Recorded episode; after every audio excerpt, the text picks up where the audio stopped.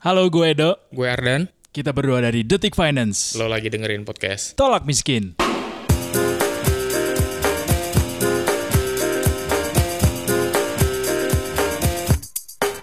Masuk ke minggu ke-6, kita dikarantina di rumah sendiri, Detikers, eh, dalam rangka pencegahan penyebaran virus corona di Indonesia. Dan kita sendiri yang di Jakarta udah lumayan sumpek sih, karena eh, minggu ketiga, minggu kedua itu mungkin masih berasa santai, masih enakan, masih berasa ada privilege bisa kerja dari rumah. Tapi masuk Nah, ke tapi minggu kalau keempat, masuk- lima, enam, itu udah mulai berasa nggak enaknya ya Dan ya? Mulai bosan kali orang tuh kayak mungkin di minggu-minggu pertama masih oke, masih enak suasana di rumah, suasana di kamar, masih bisa ketik bekerja di mana pun. Nah, tapi kalau makin ke sini orang tuh makin bosan udah udah ngetik dengan udah bekerja dengan model gaya apa pun sampai sambil disambi ngapain juga itu udah udah udah hatam mungkin bisa dibilang. Kalau lo sendiri, ah, kalau lo sendiri udah mencoba ah, gaya apa aja dan gaya yang paling absurd lo kerja dari rumah tuh kayak gimana? kalau gue di rumah eh, di kamar Hmm, Habis itu gua kalau agak agak bosan ke depan ke teras, kita Hmm. sambil nonton juga duduk. Belum sampai yang-. Kerja dari toilet tuh belum ya? belum, belum, Oh, belum, itu belum, belum. nggak bisa itu nggak gua. Nggak ada sinyal, jangan-jangan ya? konsen, nggak konsen. Nggak ada konsen. Tapi gini, Detikers, sekarang ini kan kita udah eh, ngelihat eh, jumlah kasus positif virus corona di Indonesia tuh udah sampai angka 4 ribuan ya terakhir ya. 4 ribuan dan yang meninggal itu udah di angka 400-an. Dan lebih mengerikannya lagi juga, tidak kalah mengerikannya juga adalah jumlah korban PHK yang ada di Indonesia saat ini sudah capai angka jutaan. Kemarin kalau nggak salah gue lihat itu ada angkanya sekitar 1,16 juta apa ya? Pokoknya satu juta lebih gitu Itu ya Dan ya? Kalau kata Pak Doni Monardo ya, ket- ketua gugus tugas dia bilang itu eh, yang mereka yang bukan di PHK itu dia bilang kalau 1,65 juta orang itu di PHK dan dirumahkan. Jadi sebagian Oh itu di digabung, PHK. digabung. Ah, kalau Jadi nggak semuanya kalau di digabungin PHK tuh ya. satu koma enam jadi kalau yang di PHK tuh sekitar berapa angkanya gue kurang hafal cuma kecil kok Oke. persentasenya dan Oke. yang banyak itu kan dirumahkan jadi mereka dirumahkan dulu nih karena perusahaannya juga nggak nggak beraktivitas kan dan nggak bisa Oke. mungkin membayar gaji mereka jadi ya udah sementara lo gue rumahin dulu deh Iya, ya. Artinya ada sekitar 1,6 juta orang yang saat ini nggak berpenghasilan kan, yang punya penghasilan yang nambah nggak punya penghasilan karena kalau di Betul. rumah kan artinya mereka juga nggak dapat gaji dong, unpaid leave jatuhnya. Nah, Betul. eh, ini yang jadi keresahan juga buat 1,6 juta dan banyak orang lainnya juga pastinya detiker sekarang kita juga tahu banyak juga angka pengangguran di Indonesia sebelum terjadinya virus corona ini. Tapi berita baiknya adalah sesuai janji dari Presiden Jokowi yang kemarin gembar-gembor di eh, kampanye pemilihan Presiden 2019 kemarin, akhirnya kartu sakti yaitu kartu prakerja yang diidam-idamkan, yang dijagokan selama ini sudah dirilis.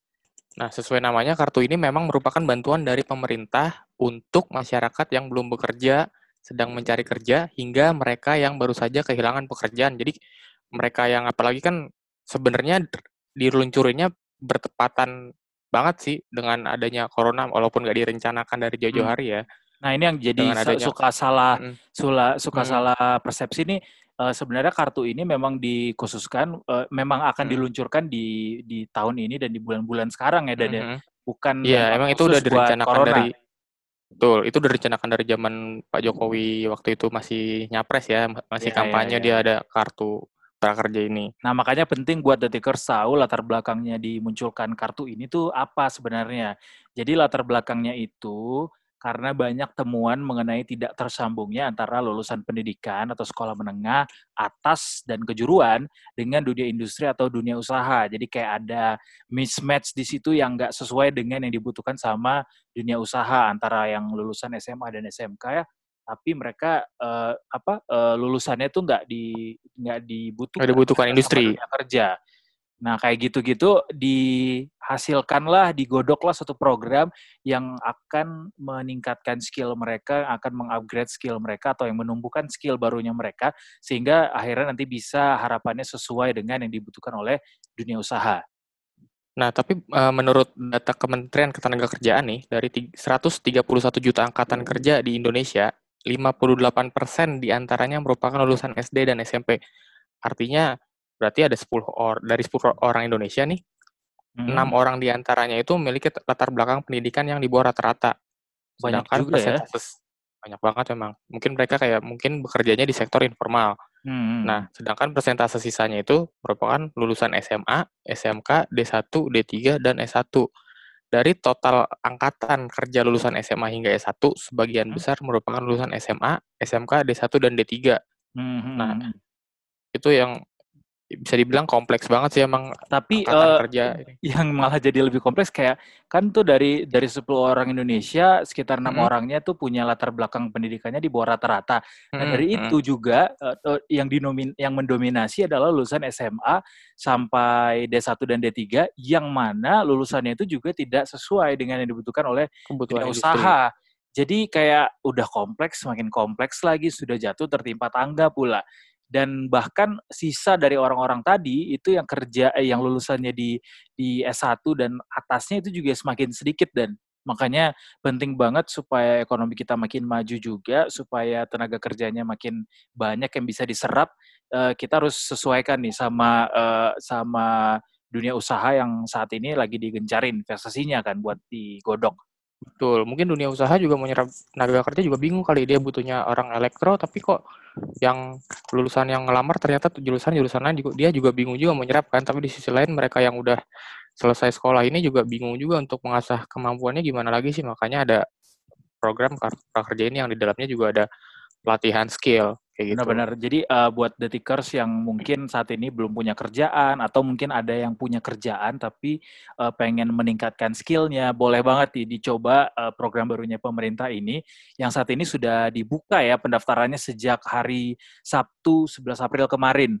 Nah, Nah, buat pendaftarannya itu udah dibuka, mereka Mhm. masyarakat bisa langsung akses ke eh, websitenya langsung ke prakerja.go.id untuk mendaftarkan dirinya di program andalan Presiden Jokowi. Nah, di tahap awal ini akan dibuka sampai Kamis 16 April dengan kuota Nah. 164.000 orang yang bisa berdaftar di program Kartu Prakerja ini. Oke oke berarti Nah. uh, udah mulai dibuka nih pendaftarannya detikers buat Udah uh, kalian yang merasa sud uh, merasa ini nih this is my time. Saya this is my time to seize the moment gitu. Kalian Mhm. bisa segera daftar akses di prakerja.go.id. Di sana ada cara pendaftarannya juga, uh, penjelasan apa itu kartu prakerja, apa aja yang kalian dapat. Tapi sebelumnya kita juga mau kasih tahu kalau kalian uh, pengen langsung tahu nih uh, ke depannya ini ternyata pendaftaran kartu prakerja itu akan dibagi per gelombang. Dibukanya setiap satu pekan setelah Sabtu kemarin itu tanggal 11 April dibuka. Eh, peserta yang lolos nanti eh, akan diumumkan selanjutnya di minggu selanjutnya dan mengikuti pelatihan secara online dan ternyata kalau misalnya lagi eh, masa pandemi ini eh, pelatihannya dilakukan secara online. Kalau sebelumnya kan eh, di direncanakan akan rencananya di BLK ya. di Balai Latihan Kerja ya kalau nggak salah ya. Hmm, Balai latihan latihan kerja. kerja di daerah masing-masing. Nah, sekarang karena lagi masa pandemi, lagi social distancing kayak gini, semuanya boleh mengikuti kelasnya lewat online. Nah, tapi kalau kalian semua mau daftar, nggak semuanya tuh bisa lolos ke untuk mendaftarkan dirinya menjadi peserta kartu prakerja. Tapi kalau nggak lolos, bisa bisa lagi daftar ulang. Oh gitu. Dan Jadi jadi tan- tanpa- kalau misalnya kita daftar nggak eh, belum Mm-mm. berarti kita nggak bakal nggak bakal langsung lolos gitu ya. Tapi kalau nggak lo- lolos, kita bisa daftar Mm. lagi. Nih, misalkan lo da- udah lo daftar nih, Hmm. eh, lo input segala macam, administrasi segala macam di website itu, terus ternyata diumumin, oh lo nggak lolos. Nah, lo bisa lagi tuh ikut tahap kedua dan seterusnya tanpa harus membuat akun baru di laman resmi kartu prakerja lo, tinggal eh, nge-submit ulang aja karena data lo udah kesimpan profil lo di sana. Oke, berarti eh, tapi ini tetap kita boleh daftarnya sekali seumur hidup gitu ya. Karena kalau udah Iya. pernah daftar nggak boleh daftar lagi ya. Udah Nggak pernah boleh. nggak boleh daftar lagi. Karena Nah. udah dilatih negara kan. Ya, ya, ya, ya, ya. Nah, buat buat kalian yang bi- eh, yang mau daftar bisa langsung eh, daftar di situs tadi, tapi ada syarat dan ketentuan untuk kalian untuk bisa eh, mendaftar di Tikers. Jangan sampai karena eh, apa sudah sudah siapin segala macam ternyata tidak lulus dari syarat yang sudah ditetapkan. Paling enggak nih kalian harus eh, usianya di atas 18 tahun. Buk- eh, tidak sedang menjalani pendidikan formal. Lalu kalian adalah korban PHK pekerja yang ingin meningkatkan keterampilan dan ternyata ini prioritasnya untuk pencari kerja usia muda dan karena mungkin mereka masih ini kali ya, masih masih apa ya masa depannya masih panjang kali do ya. Maksudnya, depan masih panjang, masih sangat potensial. Usianya masih produktif banget. Hmm. Terus skill yang mau mereka latih juga mungkin masih terbuka luas kali ya, nggak nggak di satu sisi doang. Mungkin bisa ikut pelatihan sektor keuangan atau mungkin IT atau mungkin di elektro, mungkin macam-macam pelatihan-pelatihan yeah, yeah, yang yeah. ada ditawarkan oleh kartu prakerja. Walaupun memang uh, apa namanya batas usianya sih nggak nggak ditentukan sih ya, tapi sih. Uh, prioritasnya untuk pekerja aja. usia muda mungkin juga nanti akan hmm. dilihat dari data mungkin, data KTP dan KK mungkin da dari beban hidup hmm. kali juga akan dilihat di situ. Nah kalau emang kalian memenuhi kriteria yang tadi disebutin Edo tuh, uh, masyarakat bisa akan langsung memperoleh notifikasi melalui email masing-masing yang terdaftar di Jumat mendatang. Jadi kalau udah bener-bener usianya bener di atas 18 tahun, nggak menjalani pendidikan formal, bener-bener jadi korban PHK, apalagi korban PHK di tengah pandemi nah, corona pandemi. ini. Nah itu peluangnya sangat terbuka lebar sih, dan ini harus dimanfaatkan dengan baik biar uh, pelatihan yang diberikan lewat kartu prakerja ini bener-bener bisa bermanfaat dan menjadi bekal buat ntar lo itu mencari pekerjaan ya. baru. Ya, ya, hmm. ya, ya. Nah, ke, selama ini kan juga yang didengar, didengarkan oleh masyarakat adalah oh, dapat uang sekian ratus ribu dari pemerintah gitu kan. Nah, ternyata hmm. uh, nanti ini kan peserta akan ngikutin kelas secara online nih buat di, di, oh. lagi nih eh, skillnya. Nah, peserta itu diwajibkan buat bayar pelatihan uh, lewat cara non tunai detikers. Nah, hmm. ada beberapa saluran pembayaran yang bisa dipakai yaitu e-wallet uh, link aja, OVO, dan juga GoPay. Tapi ini ternyata uh, kalian nggak perlu bayar speser pun atau nggak nggak harus keluarin dari kantong sendiri detikers, tapi sendiri. dibayarin sama pemerintah. Caranya gimana? Uh, ya nanti mungkin akan di, dikondisikan, dikonsolidasikan antara pihak pemberi pelatihan dengan juga pemerintah kali ya Dan ya. Ya, pokoknya, pokoknya totalnya pokoknya mereka tetap kita nggak dapat aja, eh, nggak ngeluarin duit sebesar pun apa ya? Ngeluarin duit sama sekali, malah dikasih duit. Maksudnya dengan total benefitnya itu sekitar 3,5 juta. Yang tadi hmm. di antaranya udah ada tuh biaya pelatihan sejuta. Hmm. Terus kemudian ada insentif 2,4 juta yang diangsur selama 4 bulan. Sehingga diberikannya per bulan sekitar 600 ribu rupiah. Kemudian ada juga insentif survei usai pelatihan sebesar 150 ribu. Hmm. Yang diangsur selama 3 bulan. Yang per bulannya itu sekitar 50 ribu jadi total tiga juta lima ratus lima puluh ribu itu untuk setiap penerima kartu prakerja selama pandemi corona. Nah, tapi kalau setelah pandemi corona ini berakhir, mudah-mudahan segera berakhir ya, mm-hmm. pemerintah mengembalikan besaran manfaatnya jadi enam ratus lima puluh ribu per orang, yang terdiri dari lima ratus ribu uang pelatihan dan seratus lima puluh ribu uang survei kebekerjaan kayak gitu. Oke, jadi nominal yang diterima ternyata le, uh, beda ya se -se selama masa pandemi dan juga setelah beda, beda. pandemi berakhir ya. Itu bedanya di mana dan? M mungkin ini langkah pemerintah supaya uh, mer mer meredam dampak juga kali ya mereka yang udah kena PHK nggak punya apa-apa, jadi mendapatkan uh, bantuan yang lebih besar dibanding sebelum pandemi gitu kan. Okay. Jadi begitu pandeminya udah selesai dan dampaknya juga udah mulai reda, uh, bantuan yang diberikan lewat kartu prakerja ini akan kembali seperti normal tadi yang gue bilang sekitar eh, enam ratus lima puluh ribu per orang. Nah, eh, ini ketika ini kalian sudah sudah memenuhi syarat, sudah mendaftar, sudah dapat pelatihannya. Nah, pelatihannya itu metodenya seperti ini, Detikers. Uh, pelatihan dalam program Kartu Prakerja ini kan awalnya dilakukan rencananya di Balai Latihan Kerja. Tapi selama pandemi Corona, pelatihannya akan dilakukan secara online. Nah, nanti setelah pandemi Corona ini berakhir, pemerintah akan kasih pelatihan lewat BLK yang tersedia untuk tahap pertama ini di empat wilayah aja yang sudah ditetapkan sebagai implementasi perdana waktu kemarin program ini pertama kali diluncurkan, yaitu di Bali, Kepulauan Riau, Sulawesi Utara, sama Surabaya. Jadi setelah nanti pandemi ini berakhir, cuma ada empat daerah yang boleh ikut uh, bukan boleh ikut yang empat daerah yang dipilih untuk untuk jadi uh, balai latihan kerja. Menyediakan pelatihan ya. Menyediakan pelatihan. Nah, itu tapi di kalau, Bali, Kepri, dan, Solo, dan Surabaya tadi. Oke. Okay. Tapi kalau selama pandemi corona ini yang masih menyebar gitu ya, hmm. uh, pelatihannya dilakukan online, jadi bisa dilakukan di mana aja dengan uh, konektivitas internet. Jadi aksesnya terbuka bagi seluruh seluruh masyarakat di Indonesia yang memenuhi kriteria penerima kartu prakerja. Tapi ada juga orang yang uh, heran, lah mereka kan lagi nyari kerja, masa hmm. di, dipersulit lagi untuk nyari katakan laptop atau hmm. hand hmm. akses uh, materi-materi online ini dan kuota internet mereka harus beli lagi dong maksudnya. Iya iya iya. Ada ada kritik-kritik seperti itu sih.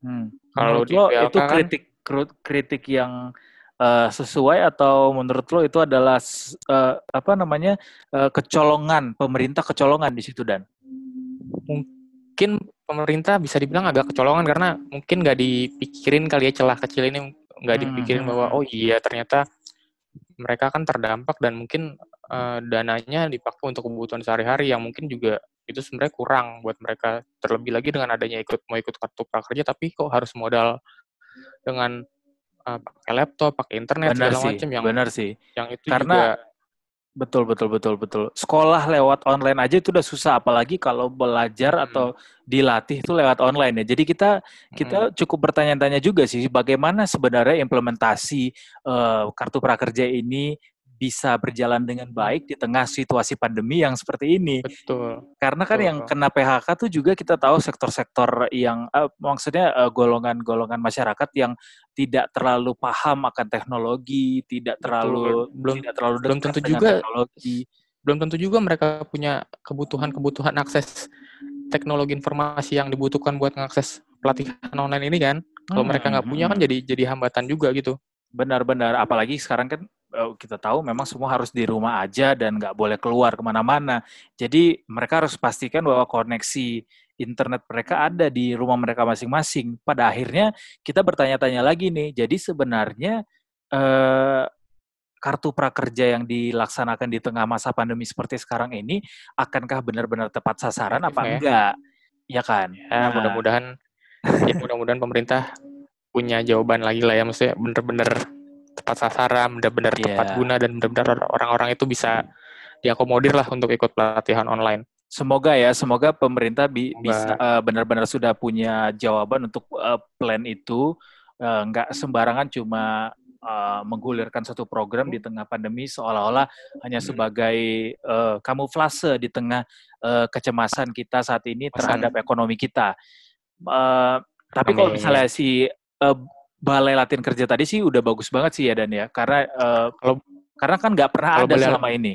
kalau balai, latihan kerja sebenarnya udah ada di beberapa hampir setiap provinsi kalau nggak salah di gua. Mm -hmm. dan dengan dengan keahlian yang macam-macam tuh. Kalau di Jakarta tuh gua kalau lewat di daerah Warung Buci tuh ada juga kalau nggak salah di sebelah kiri deh.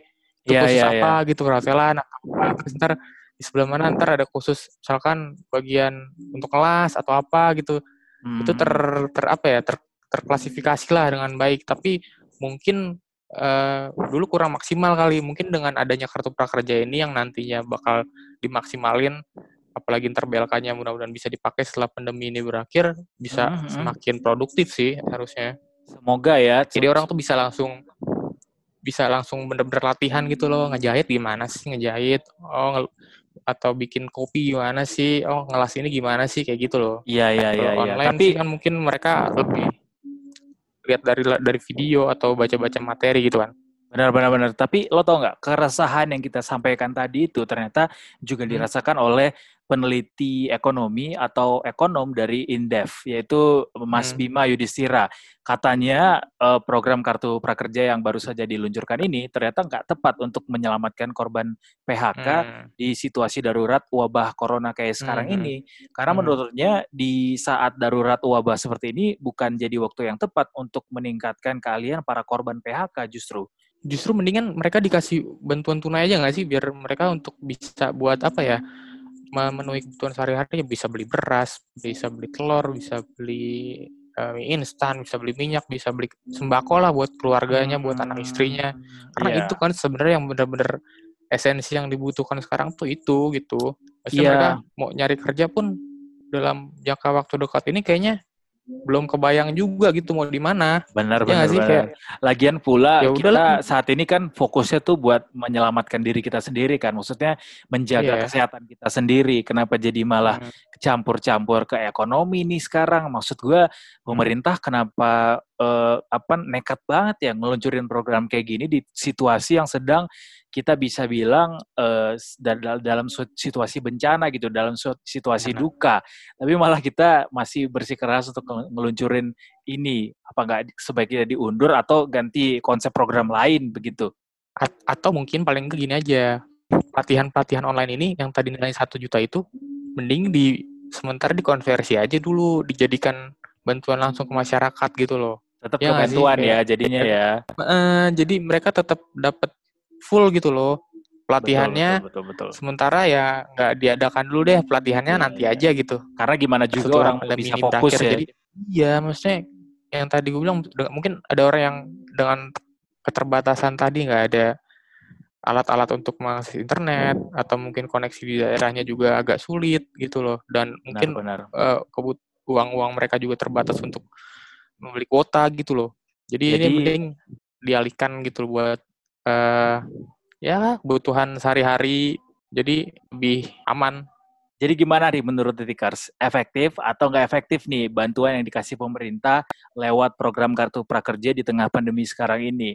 Apakah memang butuh banget kerja atau meningkatkan skill di saat ini? Atau malah pengennya dikasih bantuan tunai aja langsung sekarang?